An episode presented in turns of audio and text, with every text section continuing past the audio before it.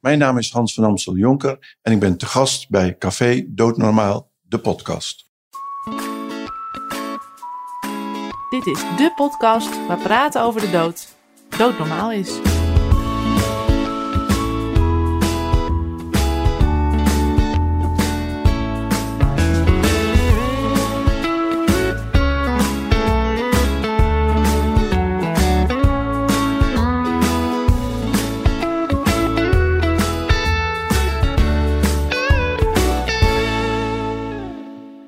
Harte welkom bij de tweede aflevering van Café Doodnormaal, de podcast. Wederom vanuit een leeg NVVE-kantoor in Amsterdam. Mijn naam is Geert Ekelmans en naast mij zit co-presentator Sebastian Hattink. Vorige aflevering hadden we het over de euthanasiewet en onder andere kwam toen wilsverklaringen ter sprake. Vandaag gaan we daar dieper op in. En daarom praten we deze aflevering verder met Hans van Amstel Jonker, vrijwilliger bij de NVVE, al vele jaren en binnenkort lid van de Raad van Toezicht. Welkom Hans. Dankjewel. Misschien is het goed om als eerste vraag te stellen. Hans, wat houdt vrijwilligers zijn bij de NVVE precies in? Wat doe je dan? Ja, de NVV is een uh, vereniging met 100, meer dan 170.000 leden. En we hebben een aantal diensten voor die leden. En uh, die worden altijd benoemd dan voor vrijwilligers en door vrijwilligers. En uh, om, de organisatie uh, zeg maar, betaalbaar te houden, is er een heel klein kantoor in Amsterdam. En er zijn verspreid over het land zo'n 150 vrijwilligers die vaak heel direct contact met de leden hebben.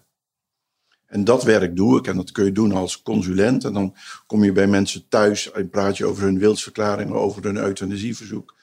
Of uh, je gaat bij de Levenseinde Academie en dan hou je lezingen in het land. En we hebben ook spreekuren voor de wilsverklaringen. Dus uh, dat zijn allemaal activiteiten die je als vrijwilliger uh, kunt doen. En nou is het woord wilsverklaringen uh, vaak genoemd, maar wat ja. zijn wilsverklaringen? Ja, wilsverklaringen, als je dat in het kort moet zeggen, dat zijn eigenlijk een, een, een set formulieren die uiteindelijk tot stand komen waarin je in grote lijnen hebt vastgelegd wat je wel en niet wilt als je uh, op een gegeven moment in een situatie komt waarbij je levenseinde nadert en je daar zelf eigenlijk niks meer over kan zeggen. En dan denk je natuurlijk in eerste instantie van, uh, ja, als je zwaar dement bent of oud of uh, ernstig ziek. Maar dat kan natuurlijk ook zijn als je heel jong bent en je komt bij het surfen op een rots terecht en je raakt in een coma. Uh, of je krijgt een ernstig ongeval en je bent niet meer aanspreekbaar. En dan is het zo fijn in, in zo'n vervelende situatie dat je naasten, dat zij beschikken over papieren waarop duidelijk staat van wie vertegenwoordigt mij nou en in wat zou ik in zo'n ontzettend slechte situatie. Als ik daar zelf niks meer over kan zeggen, wat zou ik, daar, wat zou ik dan willen? Daar zijn die formulieren voor. Zijn dat verschillende formulieren of is dat een... Ja, er zijn er drie formulieren. Eén uh, formulier is het formulier waarmee je eigenlijk verklaart wie jouw volmacht is. Wie namens jou mag praten als jij dat zelf niet meer kunt. Hè, dat staat voorop. Dat noemen we de volmachtformulieren. En daarna krijg je het behandelverbod waarin je eigenlijk vaststelt wanneer je niet meer behandeld wilt worden als je in een situatie zit van ondraaglijk en uitzichtloos lijden. En je kunt daar zelf niet meer wat over zeggen. En het derde formulier is het euthanasieverzoek. Dat is geen euthanasieverklaring, het is een verzoek. Een formulier waarmee je dus eigenlijk vastlegt in welke omstandigheden jij euthanasie wilt. En hoe werkt dat precies? Want stel ik vul zo'n formulier in en dan? Ja, het belangrijkste is natuurlijk dat je eerst uh, voor jezelf duidelijk krijgt, ja, wat zou ik willen in zo'n situatie? En uh, de ervaring leert dat als je jong bent, dan ben je daar helemaal niet zo mee bezig. Gelukkig niet. Je bent bezig met het leven en om iets van het leven te maken. Maar dat kan natuurlijk zomaar veranderen. En dat is heel belangrijk dat je erover nadenkt. En wij als consulent komen heel vaak bij mensen thuis die zeggen: Ik zie die formulieren en ik vind het ingewikkeld. En dan denk ik: Nou, dat is prima. Want het betekent dus dat je er eens eventjes heel goed over na moet gaan denken. Dus je moet eerst voor jezelf bepalen: van ja, tot hoe ver wil ik het laten komen? Wij leven natuurlijk in een wereld met medisch heel veel mogelijkheden. En wil ik dat allemaal wel? En wil ik het leven tot het gaatje uitleven? Nou, als je daar een beetje uit bent, kun je dat in je wilsverklaringen uh, kun je dat vormgeven. Er zitten wat basisteksten in die aansluiten bij de wettelijke bepalingen en mogelijkheden en beperkingen. En er zit altijd ruimte voor je persoonlijke invulling, want het moet ook iets persoonlijk worden. Kom je daar niet uit, dan pak je een boekje erbij wat bij die wilsverklaringen erbij wordt geleverd. Er Dan zie je wat voorbeelden op. Er worden wat dingen nader uitgelicht. En kom je er helemaal niet uit, dan neem je contact op met het adviescentrum van de NVVE. En uh, daar word je telefonisch uh, te woord gestaan. En is dat wat lastig, dan zeggen zij van wij sturen een consulent op je af die uh, bij je thuis komt om het samen met jou vorm te geven. En sinds een aantal jaren hebben wij ook over, op 50 plaatsen in Nederland spreekuurwilsverklaringen. Daar komen mensen naartoe. Die hebben dan een afspraak daarvoor gemaakt. En die leggen hun concept wilsverklaring voor. Of hun vragen rond hun wilsverklaring leggen ze voor. En die bespreken ze dan in een soort spreekuurachtige situatie met een consulent. Nou, dan heb je het op papier voor elkaar, zeg maar. Dat dit is wat ik wil. Nou, dan is het belangrijk dat je dat natuurlijk kortsluit met je naasten. Dat ze weten waar ze liggen thuis en uh, waar, ze, waar ze in noodgevallen het kunnen vinden. En dan is het natuurlijk heel belangrijk dat je het met je huisarts gaat bespreken. Dus daar maak je een afspraak mee en dan zeg je, joh, mocht mij iets overkomen, dit is hoe ik erin sta. En belangrijk om daar een keer goed met je huisarts over te praten. Nou, en dan is dat eenmaal gebeurd. En dan denk je van, nou goed, dan wachten we, gaan we het leven maar uitleven en wachten we tot het komt. Zo werkt het ook niet. Het is goed om dat bij tijd en wijle af en toe eens naar te kijken. Wat denk ik er nog steeds zo over? Je ziet ook mensen in de loop van hun leven anders over hun levenseinde gaan denken. En als het nodig is, dan maak je weer een nieuwe wilsverklaring of je stelt hem bij. En dan moet je ook ervoor zorgen dat die bij je naasten een nieuw exemplaar ligt. En dat je huisarts ook over het laatste exemplaar beschikt. Dat wij zeggen, het is een levend document over de dood. Dat is het eigenlijk. Dus uh, dat zijn wilsverklaringen, in het kort. En dan een hele praktische vraag. Misschien heb je het helemaal aan het begin gezegd hoor. Maar je hebt het over de formulieren die eventueel al deels voor ingevuld zijn over een boekje. Hoe kom ik aan beide? Nou ja, de, NVVE is eigenlijk, uh, zeg maar, die heeft een beetje als, als een van de grootste punten waar zij mee werken. Is dat zij zeggen, wij hebben die formulieren in concept aangemaakt. Er werken ook uh, juridische mensen bij de NVVE. Die kijken ook naar wat de wet en regelgeving op dat gebied vereist. En die gaan dus de standaardteksten, die, zijn, die staan al in die formulieren. Dus als je lid bent van de NVVE, dan kun je die formulieren uh, opvragen. we hebben over het algemeen heel veel oudere mensen die zijn lid en die kunnen gewoon een papieren versie krijgen. Maar we zijn ook met de tijd meegegaan. Als je lid bent, kun je inloggen op onze website en dan kun je digitaal je wilsverklaringen aanmaken, opslaan, downloaden en uitprinten en naar je huisarts brengen. En in dat boekje bij het invullen, als wil bij het invullen, staat daar een soort keuzemenu in van behandelopties die je dan wel of niet wil, of, of lichamelijke gebreken waar je op ja. kunt anticiperen. Nee, het boekje, het boekje gooit je heel erg terug op jezelf. En dat is ook de bedoeling. Dat je zegt, ja, wat zou ik dan wel willen of wat zou ik niet willen? En dat, dat vinden mensen lastig en dat vinden wij ook eigenlijk prima. Dat, want dat is niet iets wat je eventjes in een kwartiertje, uh, je krijgt zo'n uh, zo'n set uh, voor je neus en je denkt van even snel invullen. Nee, het is iets om over na te denken. En vaak zie je ook dat, dat ik in spreekuur maak ik ook heel vaak mee dat mensen zeggen van, daar gaan we het met elkaar eens over hebben. Weet je wel? Van, ja, als jij oud en uh, een bedleger wordt, dan zal ik jou tot de laatste snik verzorgen. En dan zegt de partner, nou, ik weet niet of ik dat wel wil. Ik zeg, nou, dan heb je wat om samen over te praten, weet je.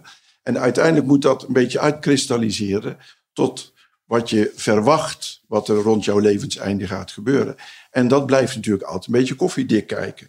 Want je kunt natuurlijk wel ja, in, in blakende gezondheid 100 willen worden en dan vrolijk inslapen.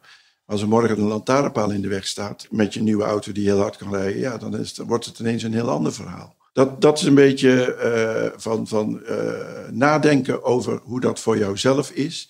Het heeft ook iets met normen en waarden te maken van, hoe belangrijk vind ik het leven en tot welke prijs wil ik het leven uitleven. En wetende bijvoorbeeld als je een bepaald soort ziekte hebt, dan wordt het vaak wel duidelijk dat je denkt van ja, daarmee zal ik niet heel oud worden. Als er bijvoorbeeld een bepaalde uh, ziekte in de familie zit, nou, dat je erover nadenkt, zo van ja, als ik het te zijner tijd dat ook ga krijgen, omdat dat erfelijk is, ja, wat wil ik dan wel en wat wil ik niet? We leven in een land waarin eigenlijk op het moment dat we wat mankeren, gaan we naar de dokter. En de dokter heeft de houding van, ik zal je proberen beter te maken. En de wilsverklaringen gaan er eigenlijk over dat je zegt van, ja, tot hoever wil ik dat eigenlijk wel? En dan heb je de regie in eigen handen. En zijn er bepaalde vragen die je aan jezelf kan stellen die je kunnen helpen met het invullen van een wilsverklaring? Of? Ja, want die vragen die komen, en dan per persoon komen die heel verschillend uh, over. Vaak ze hebben mensen, uh, wat, ik, wat ik vaak hoor, is dat mensen zeggen van, uh, ik heb mijn moeder in het verpleeghuis zien zitten. En daar wil ik nooit terechtkomen. Of ik heb een neef gehad, die, die had een hoge dwarslesie. En het is verschrikkelijk. En als ik in zo'n situatie terechtkom, dan wil ik niet het leven uitleven. Dus dat, dat is wel een beetje van ga bij jezelf na waar je grenzen liggen. En, en dat is vaak gebaseerd op hoe mensen in het leven staan. Er zijn ook mensen die bepaalde levensfilosofie of een geloof aanhangen en dat ook mee laten wegen. Wil ik daar wel of wil ik dat niet van invloed laten zijn? Dus, uh, nou, dus maar het gaat altijd terug naar jezelf. Dat is de bedoeling. En daarom is er een iedere wilsverklaring waarbij een aantal teksten juridisch gezien gestandaardiseerd zijn, omdat er die in moeten staan, is er altijd ruimte voor die persoonlijke invulling. En wij horen van huisartsen die mensen ontvangen die hun wilsverklaring komen afgeven en die dat stukje niet hebben ingevuld, dat ze zeggen, ik wil dat je het wel een beetje persoonlijk maakt. Want het is wel makkelijk om standaardformulier te ondertekenen. Dat is ook in juridisch gezien eigenlijk voldoende. Maar bij een behandelverbod is eigenlijk zo van ja, wat is nou voor jou uitzichtloos, uh, ondraaglijk lijden. Uh, wat is dat voor jou? Want dat is ook per persoon verschillend. De ene kan meer hebben dan de ander. En de ander vindt, ja, die, die wil wel met, met beperkingen doorleven. En de ander zegt, ja, dat wil ik per se niet. Dus eigenlijk als we het over wilsverklaring hebben, hebben we het over euthanasieverzoek, behandelverbod en de volmacht. En zitten die juridisch hetzelfde in elkaar? Nou, de, het euthanasieverzoek, dat is eigenlijk waarin je schriftelijk uh, vastlegt dat je, dat je euthanasie wilt. En in principe is een schriftelijk euthanasieverzoek. Te, uh, het is zelfs zo dat, dat het, als jij geen gelegenheid hebt om een schriftelijk euthanasieverzoek te doen. en je kunt dat mondeling uh, met je arts bespreken, dan mag dat. Alleen artsen vinden dat vaak wel eng. Die zeggen van, ik wil graag dat u het op papier heeft. Dus de euthanasiewet schrijft dat ook niet voor. Maar als je natuurlijk in een situatie komt waarbij je geestelijk achteruit gaat dan is het heel fijn dat je in de, in de situatie waarin je geestelijk nog wilsbekwaam was en weet wat je wil, dat je daar beschrijft wat je wil, zodat je dat bij de hand hebt op het moment dat je geestelijk achteruit gaat. Dat je zegt van ja, maar ik weet niet meer precies wat ik bedoel, maar dat staat wel in, die, in dat euthanasieverzoek. Dus dat is het euthanasieverzoek. Het behandelverbod, daar leggen wij altijd uit van dat er een wet is op de geneeskundige behandelingsovereenkomst. En die bepaalt dat een patiënt altijd toestemming moet geven aan een arts voor een behandeling. Betekent dus ook dat je een behandeling mag weigeren, ook als dat de dood tot gevolg heeft. En dat, dat, is aan het kantelen, maar twintig jaar geleden ja, was er nog een hele generatie mensen die zeiden: als de dokter vindt dat het moet gebeuren, dan laat ik eh, mij opereren of behandelen. Ja, dat is niet meer zo. En mensen moeten zich van bewust worden dat zij het recht hebben om een behandeling te weigeren. En op het moment dat jij niet zelf meer kan zeggen: ik wil die behandeling niet, ja, dan heb je dus dat derde formulier, die volmacht, waarin staat: als ik het niet meer kan zeggen, dan mogen mijn volmachten, en die staan dan de naam uh, en het telefoonnummer staan, staan daarop, die mogen dat voor mij beslissen. En die mogen dan ook beslissen van die behandeling, als hij dat zelf niet meer kan zeggen, die behandeling mag je niet meer doen, dokter. die wilsverklaring, dat behandelverbod heeft ook een, rood streepje eronder. Wij zeggen altijd, dat is de rode kaart voor de dokter. Hè? Van tot hier en niet verder. En dat kan ook heel prettig zijn voor de dokter. Dat de dokter weet dat, dat je hebt een patiënt, hè, die heeft uh, een ernstig ongeluk gehad, er is niet meer mee te communiceren. De dokter ziet nog medische opties. En, uh, maar hoe je daar dan uitkomt, nou, daar kun je het dan over hebben. En als er dan iemand zegt, ja, ik ben degene die uh, deze patiënt vertegenwoordigt, en die laat dan ook die papieren zien, dan is het voor de dokter ook een soort zekerheid van, ja, dit is niet een persoon uh, die zomaar zegt, niet meer behandelen, hè, maar het is wel iemand die, die uh, zelf bij leven en welzijn daarvoor heeft aangesteld. En dan heeft een behandelverbod met de bijbehorende volmacht, heeft natuurlijk wel heel veel waarde, voor, ook voor een dokter, dat hij weet van, ja, ik heb hier iemand voor me die de patiënt ook echt vertegenwoordigt. Want de patiënt zou dit gewild hebben. Nu zei Tim Vis in de vorige aflevering, advocaat, eh, heel duidelijk dat euthanasie nooit een recht is. Als ik zo'n wils euthanasieverklaring heb ingevuld, ehm, wordt het dan wel recht? Is het dan verzekerd dat ik op een dag euthanasie krijg? Ja, nou maak jij een fout. Je zegt euthanasieverklaring. Oh jee. Ja, zit.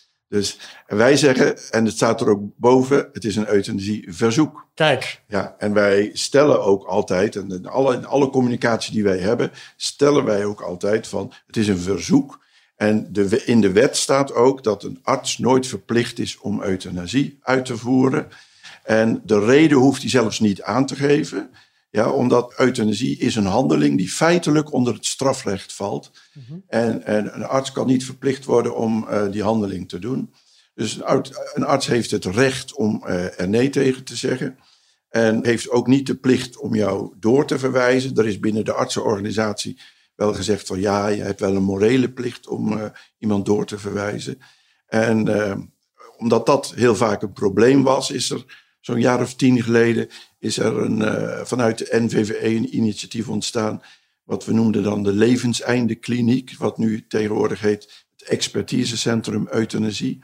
En als je dus een euthanasieverzoek hebt gedaan bij je arts en die zegt ik doe het niet, terwijl je daar volgens de regels wel voor in aanmerking komt, dan kun je aanmelden bij het expertisecentrum. En daar werken op dit moment zo'n 70 teams van artsen en verpleegkundigen die landelijk opereren en euthanasieverzoeken in behandeling nemen van patiënten die bij hun eigen arts niet terechtkomen kunnen. En ook eh euthanasieverzoeken in behandeling nemen van hele complexe euthanasievragen, bijvoorbeeld met psychiatrie en dementie, die vaak voor een gemiddelde huisarts eh, een enorme belasting eh, betekenen qua tijd en inzet. Maar eigenlijk zou je kunnen zeggen dat een euthanasieverzoek, dat is een verzoek, dus niet eh, juridisch afdwingbaar. Nee. Een behandelverbod is een recht. Dat is een recht en dat is afdwingbaar. Ja. En een volmacht is eigenlijk degene die namens jou die verklaring onder de aandacht brengt. Ja, en er is natuurlijk een soort automatische volmacht. Als je een partner hebt, is dat,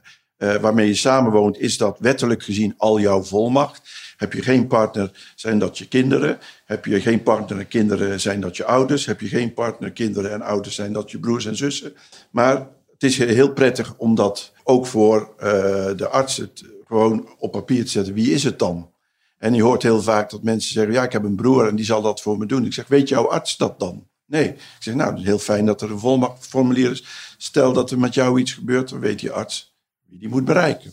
En gaat zo'n formulier, dat lever je in bij de arts? Ja, het lever je in en als het, eh, dus als het verandert, moet je dus een nieuw formulier inleveren. En, en daarmee, op het moment dat je invult van in plaats van mijn natuurlijke wettelijke volmacht, is bijvoorbeeld mijn buurvrouw, of, hè, want je mag iedereen daarvoor aanstellen, is mijn volmacht, dan vervangt dat die wettelijke basis. En wat wij vaak in de spreekuren zien, dat, dat eh, normaal eh, functioneert dat binnen familieconstructies. Hè. Je hebt een partner of je hebt kinderen of eh, ouders, broers en zussen.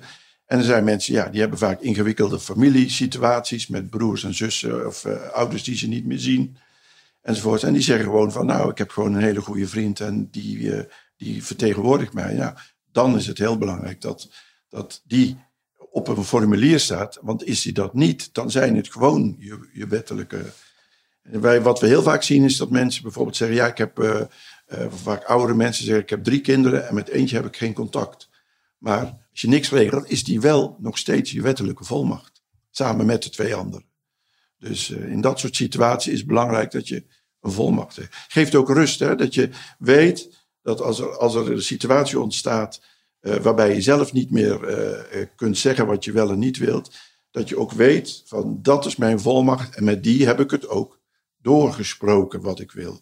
Want dat zeggen wij dan ook altijd. En als jij dus door middel van het invullen van een volmachtformulier iemand die daarvoor officieel in aanmerking komt uitsluit, zeggen wij ook er altijd bij, ja, die moet je dan wel even informeren dat die niet meer jouw automatische volmacht is.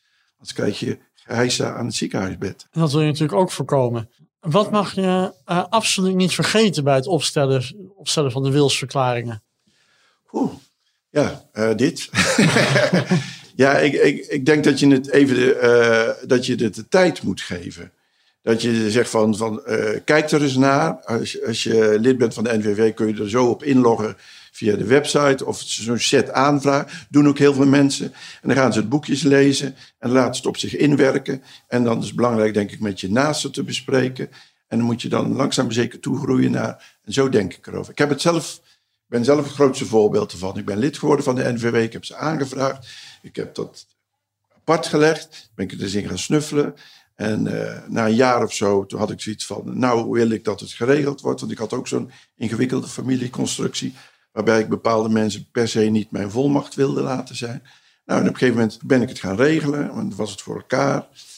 En ik moet zeggen, van op een bepaalde manier lucht het me enorm op. Toen dacht ik, zo, geregeld, klaar. En nu weer verder met leven. Want dat, dat is dan wel zoiets zo van, dat moet niet een onderwerp zijn wat je elke dag... Uh, voor de dag haalt. En dan kun je het ook loslaten. En dan kun je het loslaten, ja. Maar toch moet je met enkele regelmaat bespreken met de arts opnieuw. Ja, er is, wettelijk is het niet zo dat, je, dat wilsverklaringen een, een einddatum hebben. Maar een, een, arts zegt wel van ja, het moet wel een afspiegeling zijn van hoe jij er op dat moment over denkt als de situatie zich voordoet. En wij, wij geven altijd advies, bespreek met je arts wat hij wil. Sommige artsen zeggen ik wil dat je dat iedere twee jaar herbevestigt. En er zijn artsen die zeggen gewoon van, nee, het zijn jouw wilsverklaringen. Als jij ze wilt uh, aanpassen, dan is dat jouw verantwoordelijkheid. Daar ga ik niet achteraan zitten. En uh, dus maak met, de, met je eigen huisarts een afspraak van, van uh, wat hij daarin wil. En vergeet dan niet dat als je ooit van huisarts wisselt, dat je dan weer opnieuw moet beginnen. Niet met wilsverklaring, maar wel met het bespreken met de arts. Want het is altijd een individuele zaak tussen jou en je huisarts. Is er iets van een register of zo van huisartsen die openstaan voor dit soort gesprekken? Of kun je het gewoon met iedere huisarts in ieder geval bespreken? wij krijgen heel vaak de vraag van, uh, van uh, kennen jullie artsen die euthanasie willen doen? En zeggen nee, je moet het met je eigen huisarts bespreken. Wij als consulenten uh, in den landen, ja, ik woon in Breda en ik heb regelmatig gesprekken met mensen en ja, dan hoor je af en toe hoor je van die namen opploppen van mijn, huisarts doet het niet. En denk ik, oh, dat heb ik ook al uh, vaker gehoord. Dus, uh, nou, dat recht hebben ze. Dus, maar er is geen uh, register. Je moet het met je eigen huisarts bespreken. En je ziet ook huisartsen dat die, die aanvankelijk daar niet aan mee willen werken, dat die door de loop der jaren daar anders over gaat denken. Dus het is niet zo van nee is nee. Dus, en we hebben natuurlijk hele fijne escape, dat je naar het expertisecentrum kunt op het moment dat je uh, uh, niet een arts hebt die mee wil werken. Ja. Dan moet het expertisecentrum, geloof ik, zich ook gewoon houden aan de, aan de zorgvuldigheidseisen, toch? Ja, die staan niet boven de wet. Nee. Alleen de wet geeft ruimte voor interpretatie. En dat wil niet zeggen dat zij de, de, de grenzen van de wet opzoeken. Nee, zij zijn zich vaak meer bewust van de mogelijkheden binnen de wet. Iedere euthanasie via het expertisecentrum wordt ook, voordat die wordt uitgevoerd, ook nog een keer multidisciplinair uh, besproken daar. En wat je wel ziet, is dat ze ja, veel ervaring hebben. En zijn cijfers die zeggen dat de gemiddelde huisarts in Nederland maximaal twee tot drie keer per jaar een verzoek krijgt voor euthanasie. En dan, ben je, en dat, dan krijg, bouw je ook niet zo heel veel ervaring op. Plus dat het een enorme tijdsinvestering is. En, uh, en dan zie je dat, dat uh, artsen van het expertisecentrum vaak ja, bedrevener zijn. Maar ook zij worden gecontroleerd, want iedere euthanasie in Nederland wordt achteraf door een toetsingscommissie gecontroleerd. En toen het expertisecentrum startte, werden alle euthanasieën van het expertisecentrum, toen nog de levenswijzekliniek, die werden door vijf toetsingscommissies, want er zijn landelijk vijf toetsingscommissies. Die werden door alle vijf de toetsingscommissies uh, gecontroleerd om, om maar ervoor te zorgen dat zij geen andere norm gingen uh, stellen. Nou, dat deden ze niet. En expertisecentrum functioneert goed, want er zijn ieder jaar een aantal euthanasieën waar vraagtekens bij gezet worden en dan heten ze officieel onzorgvuldig. Maar dat zijn dan vaak procedurefouten. En uh, ja, expertisecentrum scoort gewoon heel goed. En is, een, is ook heel fijn voor artsen die moeite hebben met euthanasie. Die kunnen gewoon zeggen van, ik heb daar persoonlijk heel veel moeite mee. Ik, ik ben heel nauw met u betrokken als, uh, als arts. En uh, ik, ben, uh, ik wil graag uw arts blijven, maar dat stukje doe ik niet. Nou, dan is het heel fijn dat je weet dat voor dat stukje een andere arts is. Wij zeggen ook altijd van, zodra je daar bent aangemeld, dan neemt jouw arts van het expertisecentrum neemt jouw euthanasie over van je huisarts. En voor de zwierende vinger moet je gewoon weer even terug naar je huisarts. Ja. Dat zijn heldere afspraken. Dat zijn duidelijke afspraken. Ja. En nu ehm, ben ik zelf al jaren eh, actief voor de NVVE. Ik word ook vaak gevraagd of ik al mijn verklaringen heb ingevuld. Ehm, eh, en het antwoord is nee. Ik heb dat nog niet gedaan, omdat ik het één ontzettend moeilijk vind. Maar twee, je hebt het ook al een aantal keer gezegd, je bent er, eh, zeker als je jong bent, denk ik, ook helemaal niet mee bezig. Uh, dat maakt het voor mij heel erg lastig. Kom, kom je dat vaker tegen? Ja, ja. Dan geef ik altijd het voorbeeld, doe je, doe je aan sport? Niet. Jawel. Of ja, is dat een moeilijke vraag? Dat is een moeilijke vraag. Okay. Ik zou meer aan sport moeten doen. Ja. Stel dat je heel erg van surfen houdt of zo. Nou, en je slaat de pletter op een rots, hè? Mhm. En uh, je bent niet meer aanspreekbaar en je hebt hersenletsel.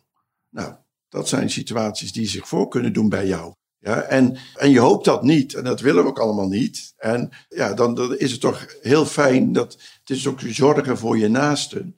Dat jou, jouw naasten niet voor dilemma komen te staan van... Ja, moeten we tegen de dokter zeggen de behandeling stoppen of niet stoppen? Als je niet weet hoe jij erover denkt. En dat moet de motivatie zijn. Kijk, ik ga met jou niet praten over van hoe vind je het, hoe zou je het vinden als je dement wordt. Want denk ik van, nou, als ik je zo een beetje inschat vandaag, denk ik, zover ben je nog niet. Dus uh, is, is, is ook, is ook een uh, niet relevant onderwerp. Maar jou kan, ja, ik noem dan zo'n ongeluk of een auto-ongeval. En je ligt er heel slecht bij. Dan denk ik, dan is het voor jouw naasten prettig dat ze weten van, ja, wat, wat kunnen, als je, want zolang jij zelf kunt communiceren, doe je dat zelf. Al is het maar met, van spreken, met je ogen knipperen. Omhoog knipperen is ja en naar beneden knipperen is nee. Dat is communiceren. Dan kan de dokter vragen, zal ik jou nog wel of niet opereren? En kun je dat helemaal niet meer, dan moeten die naasten van jou ook geen schuldgevoel overhouden. Dat ze iets voor jou besloten hebben waarvan ze niet weten of jij dat wil. Dat kan zowel in het positief als in het negatief. Als ze zeggen, opereer maar en jij komt eruit en jij zegt, ja, dat had ik nooit, dat hadden ze nooit moeten doen. Dus, dus in dat opzicht, ja, we leven in een wereld met risico's. Of je nou jong of oud bent. Wilsverklaringen gaat erom dat je zegt van, ja, als ik in een hele slechte situatie kom en ik kan daar niets meer over zeggen, is het belangrijk dat anderen weten wat er dan wel of niet moet gebeuren. Nou, dat is een stukje zorgen voor je omgeving. Helpt het? Ik, vind, ik blijf het ons zo lastig vinden. Want moet ik nou over straat gaan lopen en bij alles nadenken over... oei, misschien is dit het moment dat nee, ik... over het opstellen van wilsverklaringen. Ja, ja, precies. Maar wat ik, ook zei, wat ik net ook zei, van, van laat het op je inwerken. Dus ik wil deze boodschap, dat je denkt, laat eens op je inwerken. Van in welk lastig pakket plaats ik mij naast als mij iets ernstigs overkomt. En laat ik daar eens wat duidelijkheid over creëren. Dat kun je doen als jongere. Mhm. Ja, dat is inderdaad leeftijdsonafhankelijk. Dat is leeftijdsonafhankelijk. En dan is het misschien relevanter het behandelverbod en de volmacht. Ja, behandelverbod en de volmacht. Ja. Dat zijn de, de, vinden wij de allerbelangrijkste. Want daar gaat het om. Daar moeten die naasten op dat moment uh, doen. Naasten, ja, dat is ook een uh, geruststelling. Naasten kunnen nooit om euthanasie vragen. Als ik dat op, op een lezing vertel, dan zie ik soms wat mensen teleurgesteld. Kijk, nee, want dat, dat moet altijd vanuit jezelf komen. Maar we, naast kunnen wel je behandeling stopzetten. Als dat uitzichtloos en leidt tot uh, ondraaglijk lijden. Dus ja. Dan heb ik nog een allerlaatste vraag aan je. Ja. Je ehm, bent al lang actief binnen dit onderwerp. Als je één ding zou willen veranderen in Nederland met betrekking tot euthanasie enzovoort. Wat zou dat dan zijn? Nou, kijk, uh, de euthanasiewet is, uh, is heel bijzonder in de wereld en wij zijn er heel blij mee. En hij, als, als euthanasiewet functioneert die. Er zijn uh, een aantal knelpunten. En het grootste knelpunt is natuurlijk dat er in Nederland mensen zijn die psychisch ernstig lijden. En dat euthanasie voor hen gewoon heel moeilijk bereikbaar is. En dat heeft te maken met dat de psychiatrie in zijn algemeenheid er heel, heel moeilijk voor open staat om te zeggen van als iemand uitzichtloos en ondraaglijk psychisch lijdt en we kunnen verder niet meer behandelen, dan is euthanasie een optie. En dat is een ingewikkeld traject, maar de bereidheid van psychiaters is ook heel erg laag. En twee jaar geleden heeft de NVVP, dat is Nederlandse Vereniging voor Psychiatrie, nu ook een richtlijn ontwikkeld waarin ze eigenlijk psychiaters aanmoedigen. Ja, maar we hebben het hier wel over mensen die uitzichtloos en ondraaglijk psychisch lijden. Wat dus nooit meer ophoudt. Hè? Want je moet voor euthanasie moet je uitbehandeld zijn. En, die mensen, die wil je blijven behandelen. Ja, en als die mensen zeggen, ik hoef niet meer en ik wil eh, euthanasie, denk ik van, daar moet zeker meer begrip voor komen. En dan hebben we nog het andere punt. Als ik, ik mag dan twee Ja, dingen veranderen. hè. Is, eh, Zeker dat mensen zeggen van eh, het voltooid leven.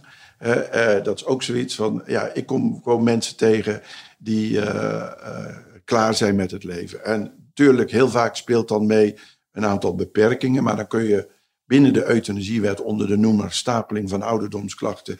kun je vaak ook wel euthanasie krijgen. Er zijn ook mensen die gewoon zeggen van, ik heb het leven geleefd, het is goed geweest en ik heb geen perspectieven meer. Er zijn soms ook mensen die weinig vrienden hebben en, ehm, en die dan zeggen van, voor mij mag het stoppen, maar ik kan geen, ik, ik kom niet in aanmerking voor euthanasie. En daar zou eh, zeker nog wel wat voor, meer voor moeten kunnen gebeuren.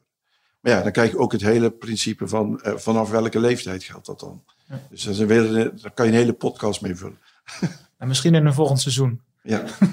Precies, we krijgen nog heel wat afleveringen als ik het zo hoor. Eh dankjewel Hans dat je voor ons de wilsverklaringen wilde duiden. Eh, dat je ook voor nieuwe inzichten hebt gezorgd. Is dat zo bij jou? Eh, absoluut, ja. Ik ga denk ik weer anders nadenken over eh, of ik het nou wel of niet ga invullen. Althans, eh, er is richting gegeven Nee, opstellen, tot. wij. Ja, opstellen. Ja, dat is iets anders dan invullen. Ja, nee, natuurlijk. Ja. Ja. En het kost tijd. Dat heb Ja, ik ook absoluut Neem je Ja. nog heel jong. Zeker. Ja, dank.